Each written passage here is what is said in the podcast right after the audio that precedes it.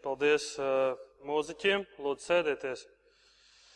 Tiešām paldies par uh, tik labiem atgādinājumiem caur, caur dziesmām.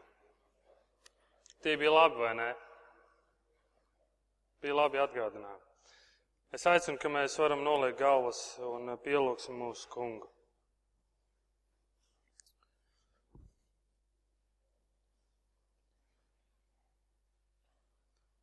Lielais, mīļais tēt, mēs nākam šajā brīdī, mēs lūdzam pēc tava gara vadības. Mēs ticam tev un mēs gribam tev teikt lielu paldies par šo dāvanu, ko mēs saucam par ticību. Paldies tev par to un paldies, ka mēs draudzi varam nākt kopā un mēs ļoti, ļoti lūdzam, ka tas vārds, ko mēs šodien lasām, ka tu tik ļoti mūs uzrunā, ka tiešām mūsu sirds mainās. Mūsu attieksme mainās pret to, ko mēs šodien runāsim. Dievs, mums vajadzīga tava palīdzība. Dievs, man vajadzīga tava palīdzība šodien, šajā brīdī. Tēvs, mēs lūdzam pēc tevis. Mēs lūdzam pēc tavas valstības mūsu dzīvēm. Tēt, paldies par, par katru dziesmu, par šo apliecinājumu, ko mēs varam dziedāt, kad viss ir samaksāts. Ak, palīdz mums būt tik lepniem ar to, ka mēs ejam un visai pasaulē ar drosmi un prieku stāstam. Ir samaksāts. Ir samaksāts. Paldies Tev, Jēzus, par to. Paldies, ka viss ir piepildīts. Āmen. Pagājušajā nedēļā kāds, man, kāds mans draugs pastāstīja kādu notikumu no viņa dzīves, kad kādu dienu viņš ar kolēģiem devās kādā braucienā. Un, eh, un tā interesantā lieta, ko viņš teica, ka viņa kolēģi ir, eh, viņiem tāda interesanta attieksme pret kristietību. Viņi parasti mēdz eh, visu, kas saistās ar reliģiju, kristietību, viņi mēdz izsmiet. Un, eh, un tad bija brīdis, kad viņi brauc visi braucienā kopīgi, un, eh, un tad viņi nokļūst eh, kādā mē, galamērķī, visi kopā apsēžas pie galda un nu, baudīs maltīti. Un tad viens no draugiem, kurš ir viens no tādiem, kurš arī smējas par kristietību, viņš saka, viņi, viņi visi apsēžas pie galda un viņš saka, nu, kurš tad pielūgs? Kurš tad teiks galda lūkšanu? Un tad šis mans draugs uzreiz atbildēs, viņš teica, es pie, pielūkšu. Es teikšu galda lūkšanu. Un, uh, un iestājās tāds nērts klusums. Tā it kā tikai pajokoja. Un tad šis draugs, viņš tā kā noskaitīja kādu, kādu galda lūkšanu, pavisam vienkārši. Un tas šīs cilvēks, kurš it kā inicijēja šo lūkšanu, viņš sacīja šādus vārdus. Es joprojām atceros, kā mana vecmāmiņa skaitīja šādu lūkšanu. Un viņš palika domīgs. Mēs reizēm paliekam domīgi par vārdiem, ko ir teikuši kādi mūsu tuvie cilvēki. Un reizēm mēs cenšamies kādus vārdus turēt, ko kāds cilvēks ir teicis. Varbūt pēdējie vārdi, ko šis cilvēks ir teicis savā dzīvē. Un es gribēju teikt, ka tas aizraujošais brīdis mūsu draudzē, Vīlans draudzē, ir iesācies ar brīdi, kad mēs esam sākuši studēt kalnu svētrunu. Un par sevi es varu teikt, tas ir bijis, tas joprojām ir ļoti interesants un aizraujošs laiks, jo visu laiku Jēzus runā uz manu sirdi. Un viņš jautā, kāda ir tava sirds? Kāda ir tava motivācija? Kāds ir tavs skatījums uz dažādām lietām? Un es domāju, mums kā draudzēji Kristus ir kungs. Mums kā ticīgiem cilvēkiem mēs varētu teikt, Kristus ir kungs. Un tā kā mēs klausāmies kādus vārdus, šo kalnas uzrunu, ko teica Jēzus, mums liktos, mums vajadzētu būt ar tādu attieksmi, kad Jā, mans kungs saka šos vārdus. Pats Jēzus saka šos vārdus. Un ko tie nozīmē? Un mēs sākumā lasījām, un svētīgs un laimīgs cilvēks, kurš dienām un naktīm tos pārdomā. Vai jūs atceraties, ar ko sākas kalna svētruna, jeb kalna runa, ko saka Jēzus? Viņš saka, laimīgi, garā nabagie, apbēdinātie un tā tālāk un tā tālāk. Viņš sāk kalna runu ar dievā laimīgajiem. Viņš parāda, kuri tad ir, kurš, kāds ir cilvēks, kurš ir patiesi laimīgs dievā. Un, un man pie sienas mājās stāv tāds liels plakāts ar uzrakstiem ar visiem šiem laimīgajiem. Un katru reizi, kad es skatos, tas, tas uz mani uzrunā, tas man kaut ko atgādina. Un jūs ziniet, šajā, šajā nedēļā man personiski ļoti pietrūka lēnprātība. Jo es redzēju daudzās situācijās manā ikdienā, kad pietrūks brīdis, kad liekas, kad ir bijuši brīži, kad es liekas, tās ir manas tiesības, un tu vispār aizskāri manas tiesības, un ej tu malā, kur tu ielīdi, un, un tā tālāk, un tā tālāk. Un Jēzus saka, laimīgi, lēnprātīgie. Lēnprātīgais nozīmē tāds, kurš saka, man nav nekādas tiesības. Viss ir Dievam. Es, es dodu priekšroku.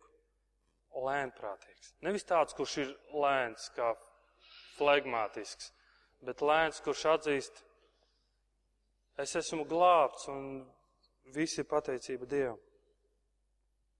Un pavisam nesen mēs kopā ar Markusu varējām domāt par lūkšanu.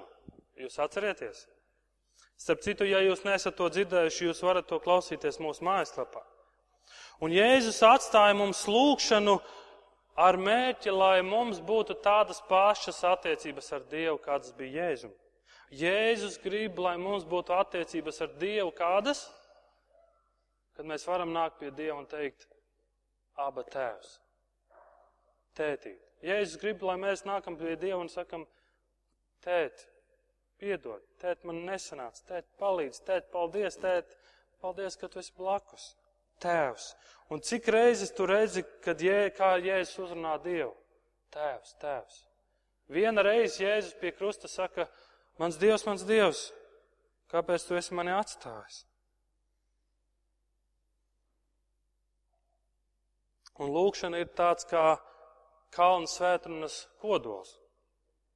Tā Jēzus velta daudz uzmanības un daudz skaidrojums. Un šodien mēs esam tai vietā, kad seko atkal kāds brīdinājums. Un izlasīsim Mateja 6. nodaļā 19. līdz 24. pants. Ja jums ir bībeles, es ļoti, ļoti iesaku sekojiet līdzi. Mateja 6, 19 līdz 24. Nekrājiet sev mantas virs zemes, kur kodes un rūsa tās maitā, un kur zagļi rok un zog. Bet krājiet sev mantas debesīs, kur ne kodes, ne rūsa tās nemaitā, un kur zagļi nerok un nezog. Jo kur ir tava manta, tur būs arī tava sirds. Miesas gaismeklis ir acis. Ja tava acis ir skaidra, tad visa tava miesa būs gaismas pilna. Bet, ja tava acis ir ļauna, tad visa tava miesa būs aptumšota. Ja nu gaisma, kas tevī ir tumsa, cik liela tad ir pati tumsa? Neviens nevar kalpot diviem kungiem. Vai nu vienu tas ienīdīs, un otru mīlēs, vai arī vienam izdabās, un otru nicinās. Jūs nevarat kalpot dievam un mamonam, citos tulkojumos dievam un naudai. Kas ir mamons? Vārds mamons nāk no senajiem kaldējiem. Jūs atcerieties, Ābrahāms vecajā derībā nāk no kaldeju ūras, uz, un viņš dodas uz Kanāna zemi. Un, ši, un mamona vārda sakne ir vārds pārliecība, uzticēšanās. Pašos pamatos vārds nozīmē bagātības bet tā guva priekšstatu par bagātību, kas gūta aiz skopuma. Un, mamona, un šim vārdam mamons bieži piemīt dievināšanas daba raksturs. Jaunās derības laikā vārdam mamons joprojām piemīt pasaulīgas un materiālas bagātības rakstus, raksturs, kurai ir ļaunuma ietekme. Interesanti, ka viduslaikos Mamons ieguva pilnīgu dēmona statusu. Daudzi vietējie bīskapi un feodāļi guva labumu no tā, ka zemnieki baidījās iegūt ba pasaulīgu bagātību. Mamons, uu. Bet vēlāk, kad nāca apgaismība, Mamons joprojām radīja bažas. Daudzi mākslinieki Mamonu gleznās attēlo kā dusmīgu vēlnu, kurš sēž krēslā. Ja tu domā, ja tu domā ka mamons tiek pieminēts tikai baznīcas grāmatās un vēsturē, tad tu maldies. Mamons ir ļoti dzīvs dažādās datorspēlēs šodien. Tas tiek attēlots kā arkvēlns, pārākais vēlns, kurš valda vienā no deviņiem elles līmeņiem datorspēlē. Wikipēdija mamonu raksturo kā personisku iekāri, un tam ir divkosības raksturs. Mamons ir jebkas, uz ko mēs sākam uzticēties un kas ieņem dieva vietu. Un burtiski mamons nozīmē kaut ko, uz ko var paļauties. Mamons neiekļaut tikai naudu. Tā ir bagātība, stāvoklis sabiedrībā, luksus lietas, komforts, privilēģijas, reputācija, atziņa, īpašumi. Un es varētu turpināt un turpināt. Un to visu sauc par materiālismu. Un tas, ko Jēzus saka, tu nevari būt Kristus sekotājs un vienlaicīgi materiālists. Viņš saka, nav iespējams. Tu nevari būt materiālists un vienlaicīgi būt patiesa Dieva valstības pilsonis. Jūs zināt, ko Pāvils Timotejam māca un ko Pāvils brīdina? Viņš saka, ka visa ļaunuma sakne ir. Latvijasiski jaunā tulkumā ir alkatība, angļu, angļu tulkojumā ir love of money, mīlestība uz naudu. Nauda ir slikta? Nē, mīlestība uz naudu. Un Pāvils brīdim Timotejam viņš saka, uzmanies, uzmanies. Pēc naudas tiekdamies, daži ir nomaldījies no ticības un daudzkārt sagādājis sev asas sāpes. Un tas jautājums, ko Jēzus šodien mums uzdod, kur ir tava sirds? Kur ir tava manta, tur būs arī tava sirds, saka Jēzus. Un klausieties uzmanīgi. Mateja evaņģēlijā par naudu tiek runāts 109 reizes. Marka evaņģēlijā tiek runāts 57 reizes. Lūkas evaņģēlijā 94 un Jāņa evaņģēlijā 88 reizes. Un starp citu, naudas tēma Bībelē, jeb evaņģēlijos, tiek apspriesta un runāta piecas reizes vairāk kā jebkura cita tēma. Varētu uzdot jautājumu, kāpēc? Kāpēc, Jēzu, tu tik ļoti runā par naudu? Kāpēc tu tik ļoti to uzsver? Jūs redziet, Kalnu svētronamē, kad mēs nonācam, nonācām pie lūkšanas, Jēzus saka, lūk, ir patiesa kristietība. Lūk, ir patiesa reliģija. Kas tā ir? Tavas attiecības ar tēvu, ar Dievu, kad tu nāc pie viņu un saka, Tēvs, tavs prāts, lai notiek, tavs vārds, lai ir godāts, lai nāk tava valstība, tavs prāts, lai notiek, kā debesīs tā ir virs zemes.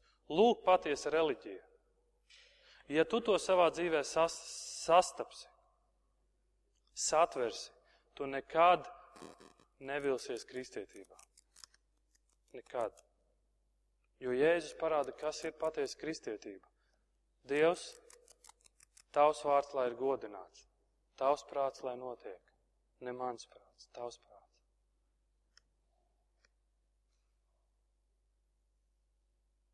Un iespējams, Jēzus runā par naudu tik ļoti, Jēzus brīdina mūs tik bieži, varbūt tāpēc, ka mēs lietas mēdzam aizmirst, vai ne?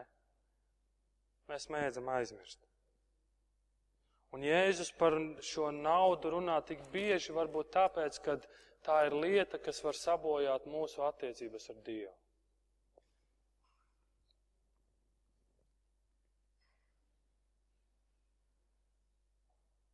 21. pantā mēs lasām, jo kur ir tava manta, tur būs arī tava sirds. Jo mēs reizēm domājam un sakām sev, mums vairāk jāmeklē Dievs, mums jāiegūst pareiza motivācija, piestrādā pie savas deksmes, un tad tu savu mantu liksi pareizā vietā. Vai ne? Nav tā, ka mēs reizēm sev to sakam. Es centīšos, es piestrādāšu, es darīšu labāk, un tad, tad gan jau es savu mantu likšu pareizā vietā, es savu mantu lietošu pareizi.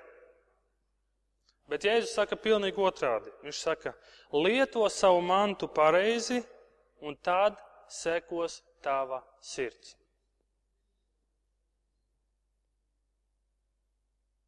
Un Kristus ir daudz, daudz praktiskāks nekā mēs. Un, un, un, un Kristus mūs tik ļoti labi pazīst. Viņš, viņš mūs kolosāli pazīst. Un viņš zina, ka, ko mēs sakām sev un Dievam. Un mēs sakām, jā, Dievs, es tev ticu. Es ticu tam, kas rakstīts Bībelē. Es zinu pareizās atbildes. Mēs runājam skaistas lietas, mēs dziedam skaistas dziesmas. Mēs zinām, Un galu galā es vadu svētdienas skolu vai es vadu kādu mazo grupiņu. Es taču zinu. Bet beigās var izrādīties, ka tādi materiālisti vien mēs esam. Un mēs Dievam vēlamies iestāstīt, Dievs, es tev pierādīšu, ka es esmu unikāls un es spēju dzīvot ar diviem kungiem. Es spēju dzīvot ar diviem kungiem. Es spēju būt materiālists un spēju būt patiesi tavas valstības pilsonis. Bet Jēzus saka, tas, ko tu krāji, noteikti pārņems varu pār tevi. Noteikti. Sirds Bībelē norāda nevis uz kaut kādu daļu no manas miesas vai uz emocijām. Sirds Bībelē norāda uz visu tavu būtību. Tās ir manas domas, vēlmes, dvēseles spēks, tas esmu es pats. Un Kristus saka, ka tevi pilnībā pārņems tas, ko tu krāji. Man tad debesīs tā nav tā pati, ko var krāt uz zemes. Jēzus saka, nekrāj mantu uz zemes, krāj mantu debesīs. Un tā manta, ko Jēzus saka, krāj debesīs, nav nauda. Tie nav īpašumi. Tu nevari uztaisīt tagad baigo pārskaitījumu, ja bija izrakstīt baigo čeku un teikt, oh, nu man tagad manta debesīs. Cik negodīgi tas būtu. Man, man pieņemsim, nebūtu ko pārskaitīt. Tad tas būtu nabaks. Bet jūs ziniet, kas ir manta debesīs? Un ko jau es, es biju teicis, bet gribu vēlreiz atgādināt. Un šī manta debesīs ir mūsu Tēvs debesīs Svētīts, lai top tavs vārds. Dievs, es meklēju tavu valstību, es meklēju tavu gribu. Tavs prāts, lai notiek kā debesīs, tā arī virs zemes. Lūk, tava manta debesīs. Bet nepārprotiet, Jēzus nesaka, ka nauda ir kaut kas slikts. Un viņš arī nav komunists un nesaka, ka bagātam ir būt slikti. Arī nabaks cilvēks var būt materiālists.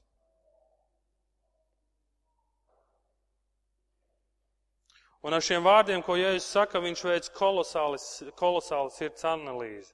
Un viņš saka, paskaties uz sevi un ieraugi, ko tu glabā, ko tu krāji, kam tu krāji, uz ko tu paļaujies. Iedomājies, ka tu aizej uz savām mājām. Bet tagad tā praktiski iedomājies. Tu aizej uz savām mājām, apsēdies pie galda vai apsēdies savā divānā ar tasi kafijas. Es saku ar kafiju, tāpēc, ka man ļoti garšo kafija. Ko tu redzi visapkārt? Kas ir tas, ko tu redzi? Kas ir tas, ko tu krāji? Kas būtu tas, no kā tu baidītos, tev, ja tev kaut ko nozagt no mājām? Kas būtu tā lieta, no kā tu visvairāk baidītos? Glezna, virtuves iekārta vai kas būtu tas, ko, no kā tu baidītos, ka tev nozagt?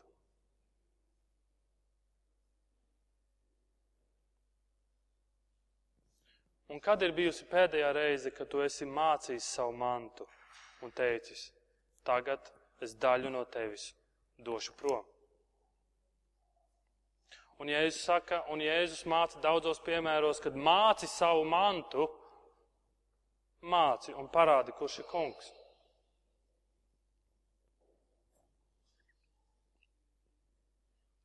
Jo kur ir tava manta, tur būs arī tava sirds. Nekrājiet mantu virs zemes, saka Jēzus. Viņš brīdina, viņš saka, uzmanies. Kodes un rūsa tās maitās, zāgļi, roku un zog.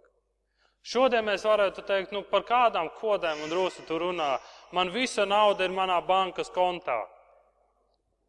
Bet cik gadījums mēs esam redzējuši par to, kā vienā brīdī un pārēgas bankas nav. Un tad ir lieli raksti par to, kā cilvēki ļoti, ļoti bēdājas par to, ka viss ir pazudis vienā brīdī. Nozakts, kāds ir nozacis to. Jūs zināt, ko Jēzus turpina 22. pantā? Un ļoti interesanti, mēs varētu uzdot jautājumu, kāpēc Jēzus tu par to runā? Un viņš saka, miesas gaismeklis ir acis, ja tava acis ir skaidra, tad visa tava miesa būs gaismas pilna. Bet ja tava acis ir ļauna, tad visa tava miesa būt, būs aptumšota. Ja nu gaisma, kas tevī ir tumsa, cik liela, tad ir pati tumsa. Jēzus runā par acīm. Mēs šorīt braucām eh, mašīnā, mašīnā uz, uz baznīcu. Un, uh, Un uh, mūsu vecākā meita teica, tēti, dziedi dziesmu, tēti, dziedi dziesmu. Viņai bija tās grabulīs, viņa gribēja grabināt ritmā. Un tad mēs dziedājām šādu dziesmu. Mazās acis skatiet to, kas ir labs, mazās acis skatiet to, kas ir labs. Rīts vai vakars zemi sēdz, debes tēvs mūs vienmēr redz. Mazās acis skatiet to, kas ir labs. Atcerieties šo dziesmu. Sēdienas skolas dziesmu. Un Jēzus saka, Tava acs ir miesas gaismiklis. Tava acs ir loks.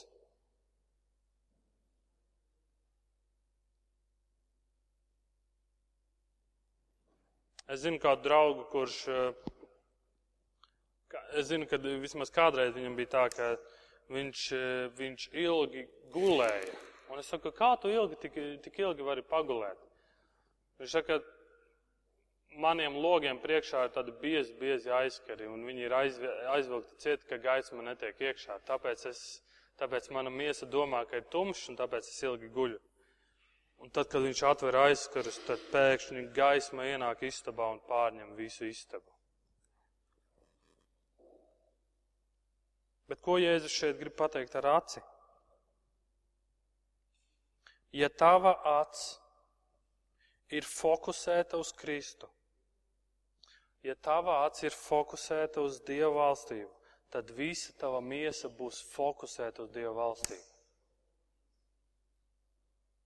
Uz kurieni tika koncentrēta farizēju acis? Uz kurieni viņi koncentrēja savu skatienu? Uz cilvēkiem, meklējot atzinību no tiem, uz iekāri. Viņiem nekad nepietika. Viņu acis bija vērsta uz naudu, cik daudz vairāk es varu nopelnīt, cik daudz vairāk es varu iekrāt, kāds man labums būs no tā, uz reputāciju, uz cik daudz cilvēkiem es varu atstāt ietekmi, privilēģija, komforts, luksus lietas, kuras es nemazām varbūt nekad, nekad neizmantoju. Viņa stāv skaisti manā mājā un es apbrīnoju.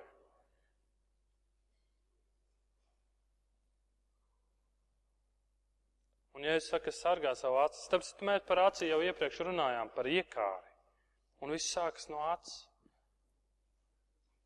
Kur tavā ikdienā acis skatās visvairāk? Uz ko tavā acis ir koncentrēta? Uz ko tā skatās? Uz ko ir tavs fokus? Mazās acis skatiet to, kas ir labs. Un Jēzus saka, risinājums ir grēku nožēla un ticība, nevis materiālisms. Uz ko tu visvairāk skaties, uz ko tu vērs uzmanību? Un interesanti, iedomāt divas mazas acis, un tās skatās uz kaut kādām lietām, un visa tava miesa iet līdzi.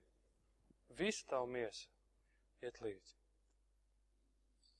Es tikko atcerējos notikumu, ko, ko mācītājs viesītājs stāstīja. Kādam puisītim mamma iedeva uh, divas monētas, abas 50 centīmus. Latu laikā 50 centīmus. Un viņš gāja uz baznīcu, un mamma teica, vieni 50 centīmi ir saldējumam, un otri 50 centīmi ir kolektei.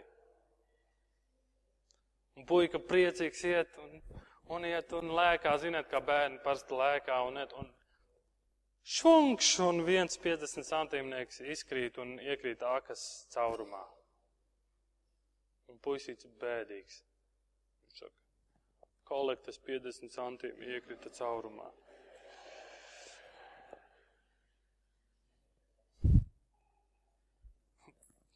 Vai nav tā ar mums, ka tas, kas pienākam, pienākas Dievam, tas ir, tas aizies, aizies kaut kur nebūtībā. Sargā savu acu ikdienā. Lai tava acs ir, lai tava acs ir bieži Dieva vārdā. O, kā tu sevi pasargās. Un 24. pants. Neviens nevar kalpot diviem kungiem. Vai nu vienu tas ienīdīs un otru mīlēs, vai arī vienam izdabās un otru nicinās. Jūs nevarat kalpot dievam un mantai, dievam un mamonam. Jūs nevarat. Un te ir runa, un tad, kad šeit runa ir par kalpošanu, te ir runa par to, ka tu esi kalps. Tas nozīmē, tu piederi. Un ja es saku, tu nevari piederēt mantai, un Dievam. Tu nevari, tu vari piederēt tikai vienam. Un Jēzus saka, ja tava acs būs koncentrēta uz mantu, uz krāšanu un kā vēl vairāk, kas ir mana apdrošināšana, kas ir mana drošība nākotnē, kas būs rīt, tad tu piedari tur, tava sirds ir tur.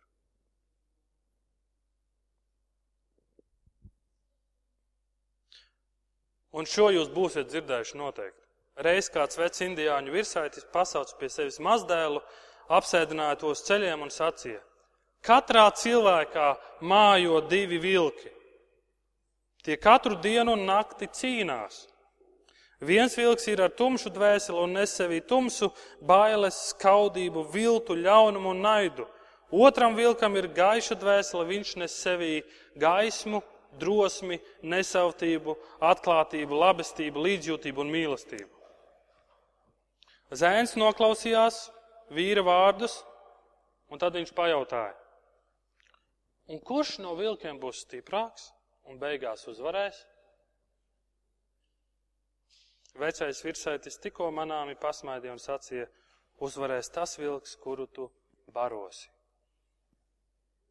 Uzvarēs tas vilks, kuru tu baros.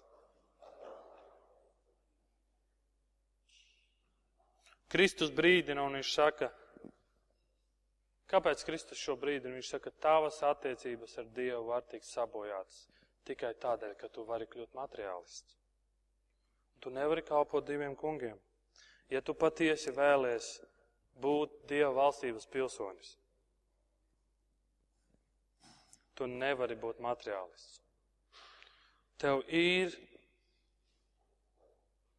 jāprot rīkoties ar savu mantu. Un kad mēs vēlāk un turpmāk iesim cauri kalnu svētrunai, tad mēs pamanīsim, ko Jēzus saka tālāk. Un viņš saka, kas ir vēl tās lietas, kas mūsu attiecības ar Dievu ļoti nopietni var ietekmēt.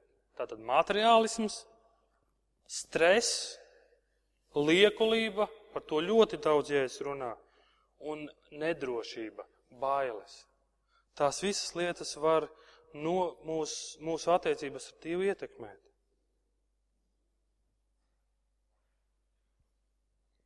Bet vēl vienu lietu es gribu pateikt. Vēl dažas lietas. ka tad, kad mēs lasām pasaules vēsturi un arī baznīcas vēsturi, mēs neapšaubām pamanam kādu lietu. Dievs ir dāsns Dievs. Dievs negrib, lai mēs esam, lai mums kaut kas visu laiku trūkst, vai mēs būtu nabadzīgi. Vai tu zināji, ka bagātais Ābrahāms tika nosaukts par Dievu draugu? Un ka Ījāps, ka Ījābu viņš darīja daudz bagātāku kā sākotnēji. Un Caķējs bija ļoti bagāts, bet viņš tika nosaukts par Ābrahāma dēlu. Un tad, kad tu lasi Salamana pamācības atkal un atkal, tad mēs redzam, cik reizes raksti mūs iedrošina uzmanīties par to, kā mēs rīkojamies ar savu mantu. Salamana pamācības sestā nodaļa jaunajā tulkumā sakām vārdi. Ziniet, šai, kas šai nodaļā teikts? Ej un mācies no skudrām. Tās sagādā ēdienu vasarā, lai būtu ziemai. Tās prot plānot, tās zina, kā krāt. Gudra krāšana ir ļoti svarīga.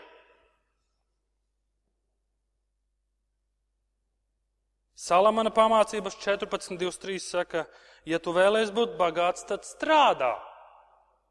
Bet, ja vēlēsies būt nabaks, tad pļāpā. Gudrs vīrs zina, kā gudri krāt un investēt. Muļķis to ātri un negudri iztērē. Salamana pamācības 227 saka, ka ir gudrāk aizdot nekā aizņemties. Un redz, Dieva vārds jau dod gudras biznesa iemaņas, vai ne? Salamans pamācība, Salamans, Salamana pamācības 24, 3 un 4. Kam gudrība, tas uzceļ namu, kam saprašana, tas to nostiprina, kam zināšana, tas tam istabas pilnas dārgām un tīkamām mantām. Un ir daudz, daudz, daudz citas pamācības, kurš saka, gudrs vīrs zina, kā krāt. Zina, kā gudri rīkoties ar mantu. Un mums, kā cilvēkiem, būtu daudz vienkāršāk, ja Dievs atnāktu un pateiktu, ok, 50% no visa, kas tev ir, atdot, un ar tevi viss ir kārtībā. Jo mums patīk formulas. Mums patiktu, pasaki man formulu, kas man jādara, es izdarīšu, lai ar mani viss ir kārtībā. Bet Dievs tā nedara. Dievs vienmēr dod principu, un Viņš saka, ka man ir svarīga tava sirds.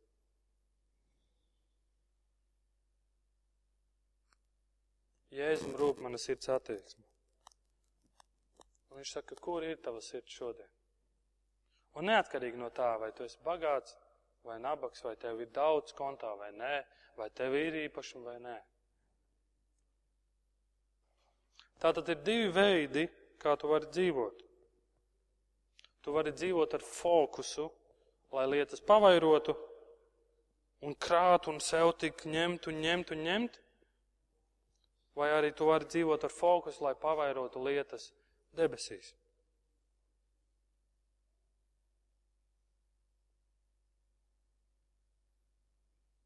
Jēzus doma ir nodot savu dzīvi tam, lai krātu mantu debesīs lai tavs prieks Dievā ir arvien lielāks un lielāks un lielāks. Un viņš saka, laimīgi garā nabagiem. Viņš runā, kāds ir laimīgs cilvēks Dievā. Un jautājums ir, bet kā tad, kā tad man būtu jādara, kā man būtu jārīkojas, kā tad ir pareizi? Kas man jādara tagad?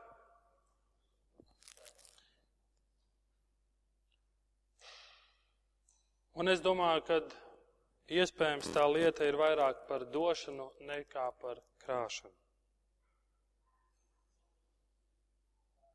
Un tā būtu došana tādā veidā, kas tiešām pagodina Dievu pagodina Dieva valstības teritoriju šeit ir zemes. Aplūkosim citu Jēzus mācību par naudu. Lūkas 12, 32, 33. Nebīsties tu mazais ganāmpulciņš, jo jūsu tēvam lapa ticis dot jums valstību. Pārdodiet savu mantu un izdaliet žēlstības dāvanās. Dariniet sev naudas makus, kas nenodilst. Neizsīkstošu mantu debesīs, kur nec zaglis tiek klāt, nec kodas to sagrauž. Un Jēzus šeit dod piemēru, kādā veidā tu darini sev māku, kurš nekad nenoveco un neizdils.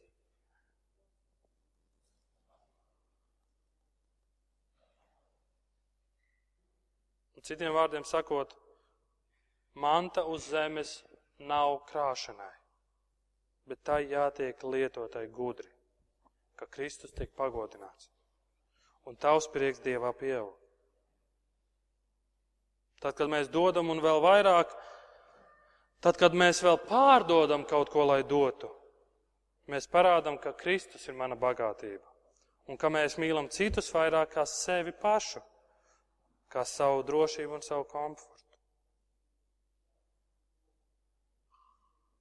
Jēzus vēl kādu piemēru dod Lūkas 14, 13 un 14.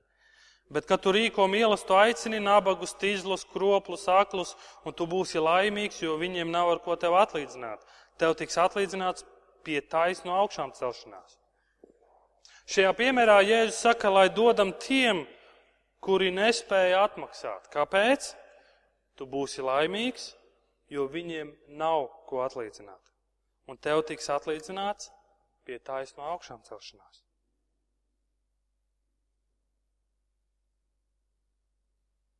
Un pēdējā raksturvieta. Kolosiešiem 3, 1 līdz 3. Ja nu jūs esat augšām celti līdz ar Kristu, tiecieties pēc tā, kas augšā, kur Kristus sēž pie Dieva labās rokas. Savu prātu virziet uz to, kas augšā, ne uz zemes lietām, jo jūs esat miruši un jūsu dzīve līdz ar Kristu ir apslēpta Dievā. Šī pasaule nav mūsu mājas. Mēs šeit neesam uz palikšanu. Jēzus saka, kur ir tava manta, tur būs arī tava sirds.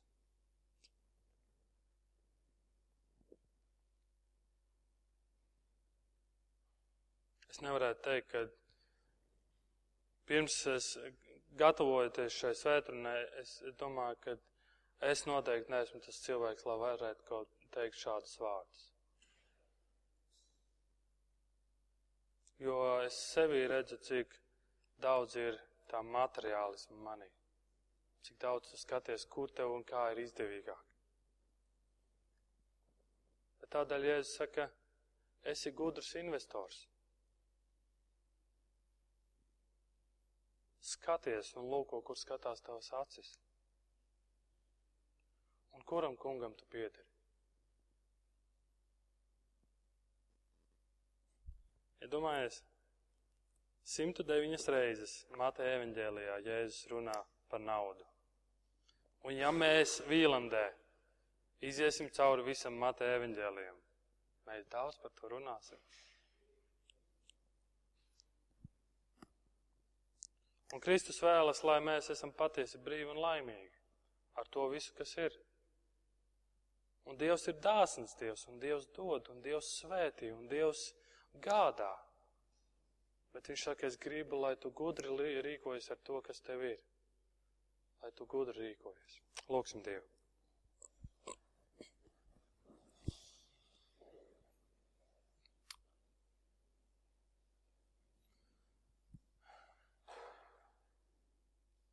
Mīļais Tēvs, paldies Tev par Tavu vārdu. Un paldies, ka tas atkal tik ļoti lūkojas uz mūsu sirdīm un, un, un bagātība un visas citas lietas, vai tas ir komforts, vai tā ir reputācija, vai tā ir, tās ir privilēģijas, tas viss ir tik personiski, ka reizēm mums grūti no kaut kā atteikties. Mēs lūdzam, Dievs nāc mums palīgā. Kad tā, ka tu lūkojies uz mūsu dzīvi, vai kad citi lūkojas uz mūsu dzīvi,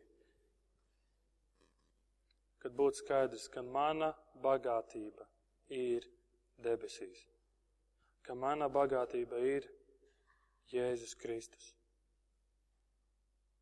Un ka mēs no sirds savās dzīvēs varētu teikt šo lūkšanu, ka Tēvs, Tavs prāts, lai notiek, lai svētīts ir Tavs vārds.